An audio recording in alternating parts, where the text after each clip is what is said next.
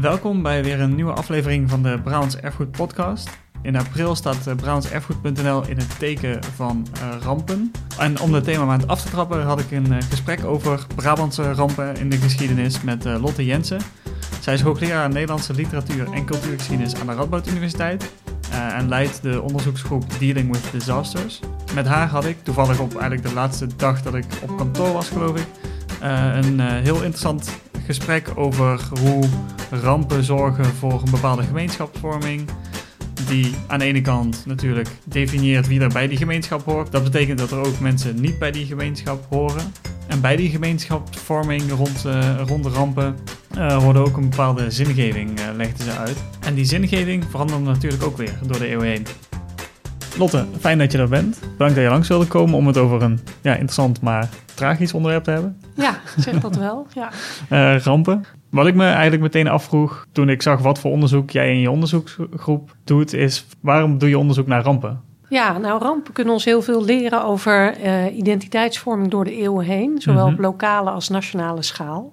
Want als er een ramp plaatsvindt, dan wordt een gemeenschap als het ware collectief getroffen.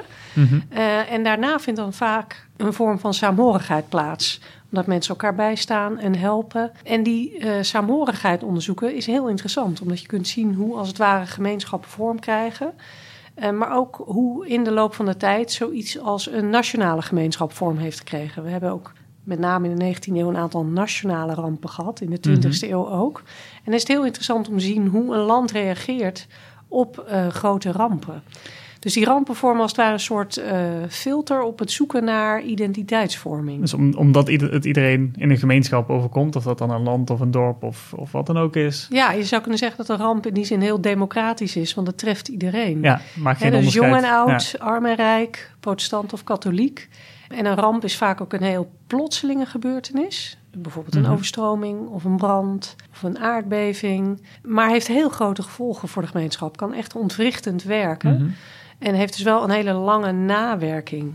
Um, en dat maakt dat uh, zoiets heel veel invloed heeft op hoe een gemeenschap functioneert.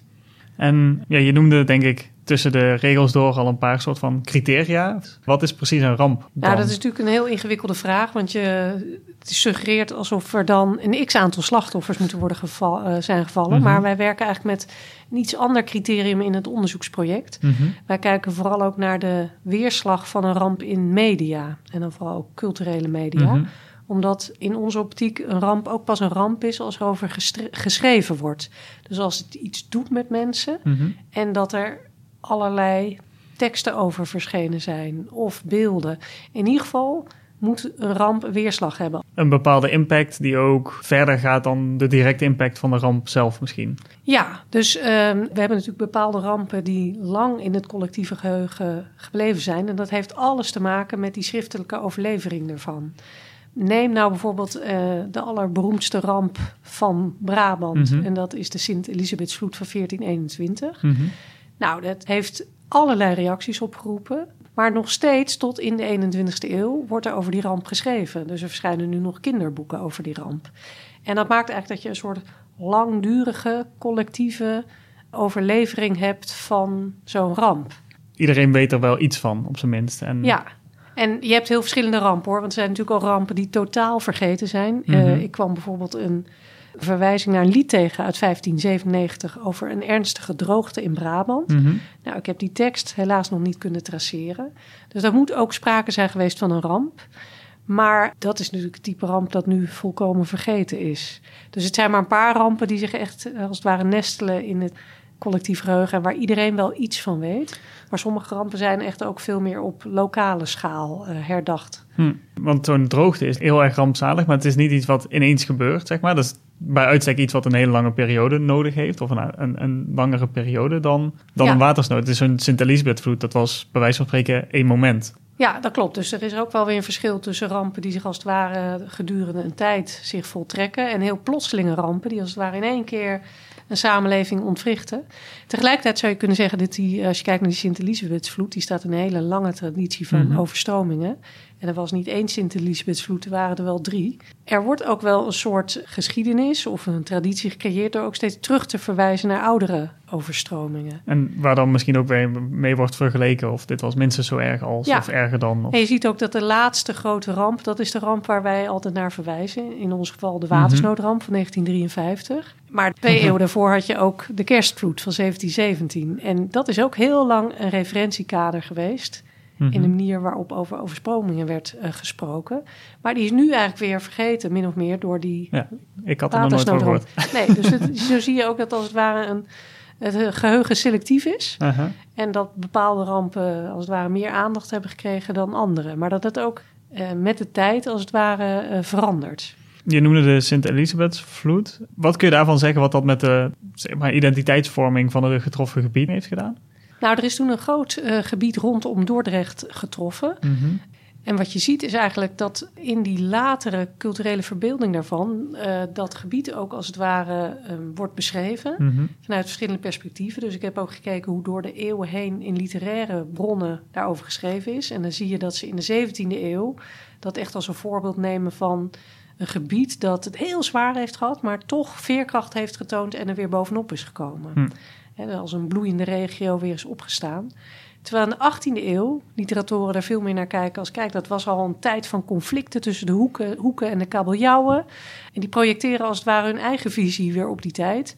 En leggen ook veel meer de nadruk op... dat was ofwel de schuld van Jan van Beieren... dat die duiken niet goed werden onderhouden... of Jacoba van Beieren dat ze niet goed bestuurder was. De, de schuld van de tegenstander, zeg maar. Ja, dus die vechten weer een ander soort conflicten uit... over de rug van de geschiedenis, zou je kunnen zeggen...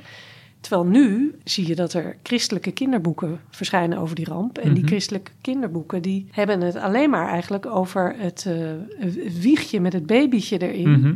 Dat wonderbaarlijk uh, uit de golven is gered. En verbinden daar dan een christelijke les aan. Dus uh, iedere tijd pakt ook als het ware elementen uit een ramp... waar ze dan zelf een bepaalde boodschap aan kunnen verbinden. En dat kinderboek was echt een, een christelijk kinderboek? Ja, dat kan geen toeval zijn. Toch twee christelijke jeugdboeken hierover geschreven de laatste tien jaar. Hm. En daar zit wel een zwaar christelijke moraal aan, die ramp. En dat is wel aardig, want dat is een constante door de tijd heen. Ja, ik wilde net zeggen, is dat iets wat er altijd al in die culturele weerslag heeft gezeten? Ja, jij vroeg net, nou ja, wat maakt een ramp tot ramp? Ik zei dat is als er over geschreven wordt. Mhm. Maar waarom wordt er over geschreven? Dat wordt ook gedaan onder zingeving aan te verlenen. Dus waarom is het gebeurd? Dus een interpretatie van de ramp. En daar vind je heel vaak lessen. En dat kan een morele les zijn. Mhm. We moeten ons beter gedragen. We moeten betere mensen worden. Maar het is eigenlijk altijd vooral een religieuze les. De mens moet boeten voor zijn zonde. Anders zal God nog sterkere rampen sturen. Zie je dan een verschil bijvoorbeeld tussen katholieke weerslag en protestante weerslag? Nee, eigenlijk is dat onderscheid moeilijk te uh, trekken vaak op basis mhm. van de teksten. Omdat het vrijwel altijd een religieuze boodschap is die aan de ramp wordt verbonden. En die is niet zo heel verschillend bij de protestanten of de katholieken. Dan gaat het altijd wel over Gods toorn die over de mens wordt uitgestort. Mhm. Wat je wel ziet is heel soms in een bron een verwijzing naar uh, liefdadigheidsacties daarna. Mhm. En ook daar zie je eigenlijk dat de liefdadigheidsacties voor iedereen bestemd zijn, zonder onderscheid naar religie. Dus een ramp werkt echt heel bindend. Mhm. Maar een enkele bron verraadt toch wel dat er conflict zat. Uh, waarbij er dan wordt gezegd: Nou, geef maar iets minder brood aan de katholieken dan aan de protestanten. Want die hebben er toch net iets minder uh, godvruchtig. Uh... Die zijn misschien iets meer schuldig ook dan? Of als het ja, gaat om die dat wordt gesuggereerd, ja. precies. En over de rug van ramp heen wordt ook wel, natuurlijk worden politieke twisten uitgevochten. En ook wel religieuze mm -hmm. beschuldigingen gemaakt. Bijvoorbeeld toen er een grote brand in Londen was, de Great Fire mm of London in 1666, uh, dan zijn uh, ze gemeen genoeg om te zeggen: nou ja, dat ligt aan het slechte religieuze gedrag van de Engelsen. Maar toevallig waren de Nederlanders ook in oorlog met de Engelsen. Dus dan wordt zo'n ramp gezien eigenlijk als een ja, een rechtvaardige straf van God. Ja, en ik kan me zeker in zo'n reformatie, en zeker in die beginfase, als die lijnen nog getrokken moeten worden, als het ware, tussen katholiek en protestant, dat het voor de katholieken een ramp heel snel de schuld was van de protestanten, omdat zij afgedwaald waren. En andersom net zo goed. Absoluut. Dus rampen kunnen dan heel goed toegeëigend worden. En uh, katholieken zullen zeggen: Nou ja, zie je wel, dat krijg je van die reformatie. Krijg je allemaal rampen over je heen gestort. dat is misschien ook wel de weerslag van het gemeenschapsvormende. Dat er ook iets, iets of iemand afgestoten wordt, als het ware. Ja, precies. Of dus de contrasten getrokken worden. Dat is precies hoe die ramp ook functioneert, inderdaad. Het is ook identiteit is, kan heel bindend zijn, maar het is natuurlijk ook om die eigen identiteit af te grenzen van anderen. Ja, precies. Het is, het is niet alleen wij, maar het is ook zij niet. Absoluut. Nou, het is zelfs zo erg. Je hebt in de 19e eeuw van die grote internationale rampen, waar ook in Nederland over geschreven is. Mhm. Ehm, en dan zijn er zelfs liedjes bekend waarin uh, wordt gezegd: uh, Nou, hele grote ramp in uh, Mexico, twee overstromingen. En dan zegt de liedschrijver: Wij mogen echt tot God bidden en God danken dat wij dat in Nederland niet hebben, mm maar dat dat in het buitenland wel is gebeurd. Alsof, zolang wij ons als het ware goed blijven gedragen. Dus wij Nederlanders zijn wat dat betreft toch weer anders dan zij verre buitenlanders. Hm. God straft ons vooralsnog niet. Ja, omdat wij wel zo netjes zijn en zij niet Precies, of zo. Ja. Heel erg praktisch eigenlijk ook wel. En nu niet eens in de zin van de, de dijken goed onderhouden, maar ook gewoon zorg dat je netjes naar de kerk gaat of zo, want dan gebeurt dit ons niet. Ja, nee, die rampen fungeren natuurlijk ook als een soort uh, dagelijkse richtlijn. Ze spelen ook wel een rol in uh, catechismus en uh, dergelijke. echt een oproep om je ook braaf te gedragen. Dus je kunt daar rampen ook heel goed voor inzetten. Een soort van corrigerende Corrigerende tik op de vinger, ja. ja, precies. In hun, uh, in hun ogen van een god dan, in elk geval. Wat ik ook vaak tegenkwam toen ik een beetje aan het kijken was van... ja, over wat voor rampen hebben we het dan? Die noemen al, eh, al regelmatig overstromingen. Dat is natuurlijk, denk ik, de, de archetype ramp voor Nederland. Tussen aanhalingstekens land wat teruggewonnen is op het water. En is dat gevecht tegen het water, is dat iets wat ook voor Brabant geldt eigenlijk? Of is dat iets wat heel erg Hollands is? Nou, dat is een hele goede vraag, want we beschouwen die strijd tegen het water natuurlijk echt als iets typisch Nederlands. Mhm. Maar heel vaak denken we daar inderdaad alleen bij aan de kustlijn. Ja. aan de provincies Holland en Zeeland, die als het ware dat heroïsche gevecht tegen het water moeten leveren. Terwijl de, het rivierengebied weer een eigen problematiek heeft. En dat wordt wel eens vergeten in dat mm narratief. Brabant is dan weer een nog wat ingewikkelder provincie, omdat het uh, en aan de ene kant aan een uh, rivier grenst, maar aan de andere kant ook een heel groot achterland heeft. Mhm. En daar zie je ook dat uh, bepaalde lokale rampen, zoals stadsbranden of epidemieën of insectenplagen, misschien wel een grotere impact hebben gehad dan die watersnoodrampen. Mhm. En toch zullen we die, dat verhaal van die strijd tegen het water, dat verbinden we op de een of andere manier toch nog altijd met het Nederlandse narratief. Terwijl dat wel een klein beetje vervormend is. Ja, want zo'n Sint-Elisabethsvloed die dan ook Brabant trof, dat is een zeeramp. Ja. Terwijl er genoeg overstromingen van de Maas in het geval van Brabant zijn geweest, die dan minder in dat, uh, in dat plaatje passen. Ja, en die ook vergeten zijn. Zo'n vergeten ramp is bijvoorbeeld de ramp van Nieuwkuik. Mhm. Die plaatsvond in de nacht van 29 op 30 december 1880. Hele grote ramp waarbij een groot deel van uh, Heusden tot nou, een hele grote omgeving eigenlijk uh, is ondergelopen. Veel slachtoffers. En toen ging ook heel nou ja, heel Nederland, in ieder geval ook buiten deze regio, mhm. ging men inzamelen voor de slachtoffers hier. Er is toen zelfs een heel groot watersnoodrampfeest oh. georganiseerd in Amsterdam. Een soort van Giro 555 actie ja, absoluut. als het ware. Uh, een soort benefietfeest voor de slachtoffers hier. Er is ook best veel geld mhm. opgehaald toen. Hè, daar toonde men als het ware in Holland ook het medeleven. Maar als je nu kijkt, is dat heel uh, regionale perspectief echt wel verdrongen door het nationale perspectief. En dan mhm. gaat het vrijwel altijd alleen over zeespiegelstijging en kust. Uh, ja, en de deltawerken. En de deltawerken, ja. En we zijn ook geneigd om te vergeten dat de ramp van 1953 um, niet alleen Zeeland getroffen heeft, maar ook delen van Noord-Brabant.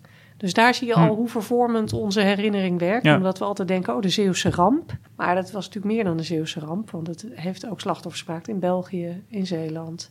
Op ja, de internationale kustwateren, in Noord-Brabant. Maar zo werkt een beetje ons uh, mechanisme van onthouden. Het is heel selectief. En het is mhm. ook... Het, vergeet ook vaak uh, aspecten van. Uh, ja, in 1953 in Bergen op Zomer ligt in feite aan Zeeland vast. Ja. En, en die hoek van Brabant. Dus het, kan niet, het is niet dat het water daar ineens ophield. Nee, precies. Um, dat is niet hoe het water werkt. We hebben nu heel veel over de, echte de inhoud gehad. Wat ik me afvroeg van, hoe doe je nou dit soort onderzoek? Je, je zei al van, ja, kijk vooral naar het culturele naleven van een ramp eigenlijk. Wat zijn dat? Ja, we kijken naar heel verschillende soorten bronnen. Mhm. uh, echt van preken en liederen tot uh, gedichten en romans. De textuele verwerking zou je kunnen zeggen. Hoe worden rampen verbeeld? Hoe, Mhm. hoe wordt er zin aangegeven? Wat voor patronen herken je in die teksten door de tijd heen? Maar we kijken ook naar beeldcultuur, dus schilderijen en prenten. Want er zijn natuurlijk ontzettend veel afbeeldingen van rampen. En die vertellen ook weer een verhaal. Dat kan iets heel allegorisch zijn, Mhm. tot echt een meer realistische weergave van de ramp. Maar die twee, tekst en beeld, die vertellen als het ware samen op een culturele manier ook wat de weerslag van rampen is geweest op een bevolking. Hoe breed zijn die bronnen dan in de zin van wiens verhalen zijn dat? Nou, dus het is heel breed, Mhm. ehm, want we kijken dus echt naar allerlei genres.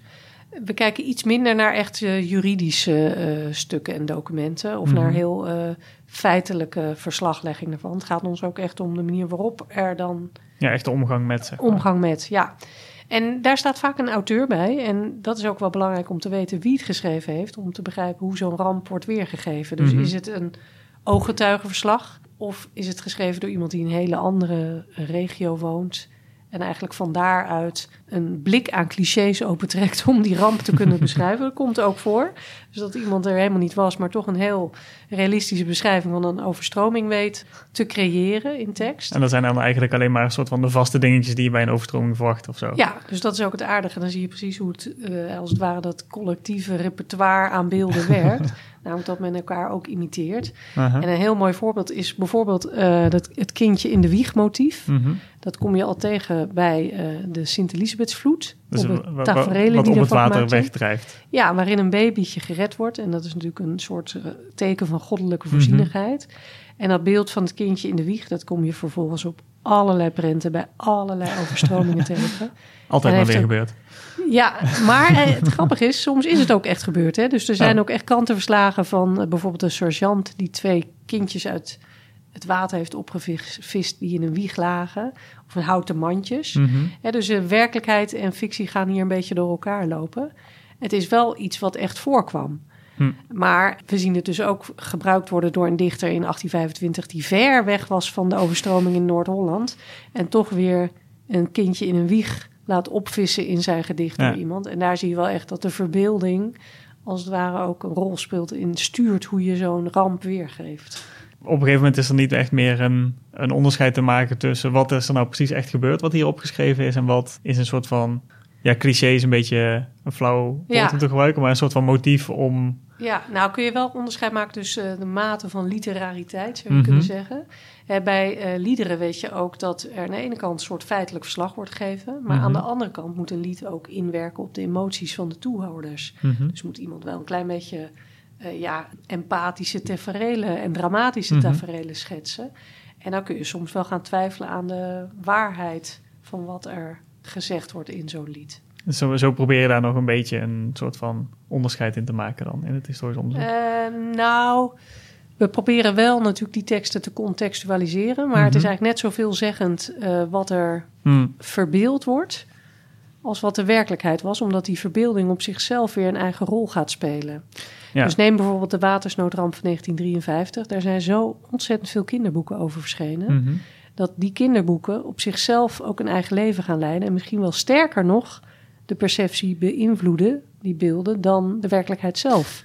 Ja. Want er leven natuurlijk steeds minder en minder mensen die die ramp echt hebben meegemaakt straks. Mhm. Maar wat we wel hebben is natuurlijk dit enorme arsenaal aan teksten en boeken daarover. Ja, het is natuurlijk bijna altijd zo dat de mensen die het echt meegemaakt hebben en die tussen aanstekens echt gezien hebben wat er gebeurt, dat zijn altijd bijna altijd minder mensen dan die met die culturele producten in Ja. aanraking komen. En dat is precies waarom het zo belangrijk is om ze ook te bestuderen. Omdat dat ook het beeld is dat mensen eh, Ja. meekrijgen van zo'n ramp. Ja, dan doet het er eigenlijk niet toe of dat kindje op die wieg echt gevonden is, zeg Nee. maar. Voor, voor En sterker het- nog, soms gaat het vooral om de les die overgedragen Ja. wordt. Want de- meestal was de les van zo'n lied ook aan het eind...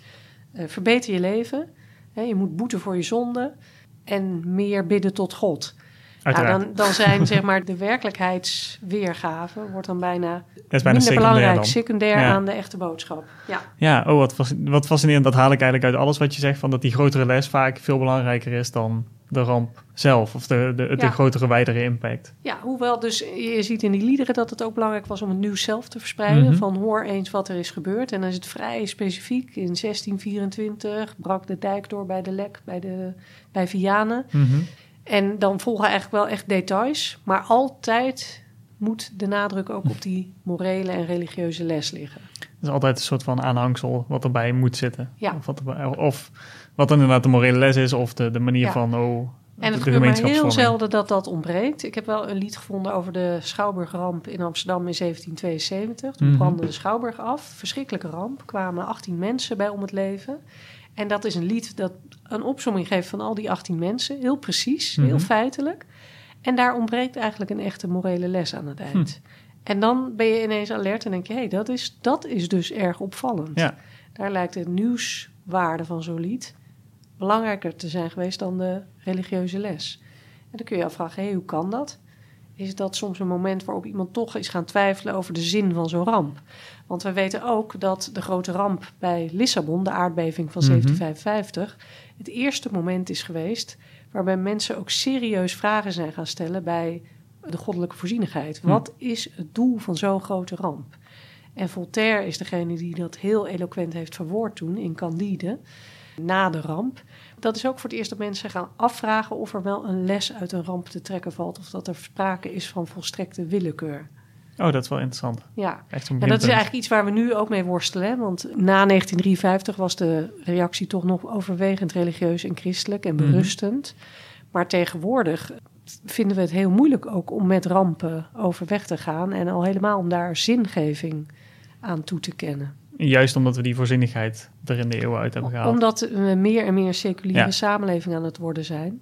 Maar zelfs zeg maar, ehm, de religieuzen worstelen soms ook met zingeving na rampen. Hm.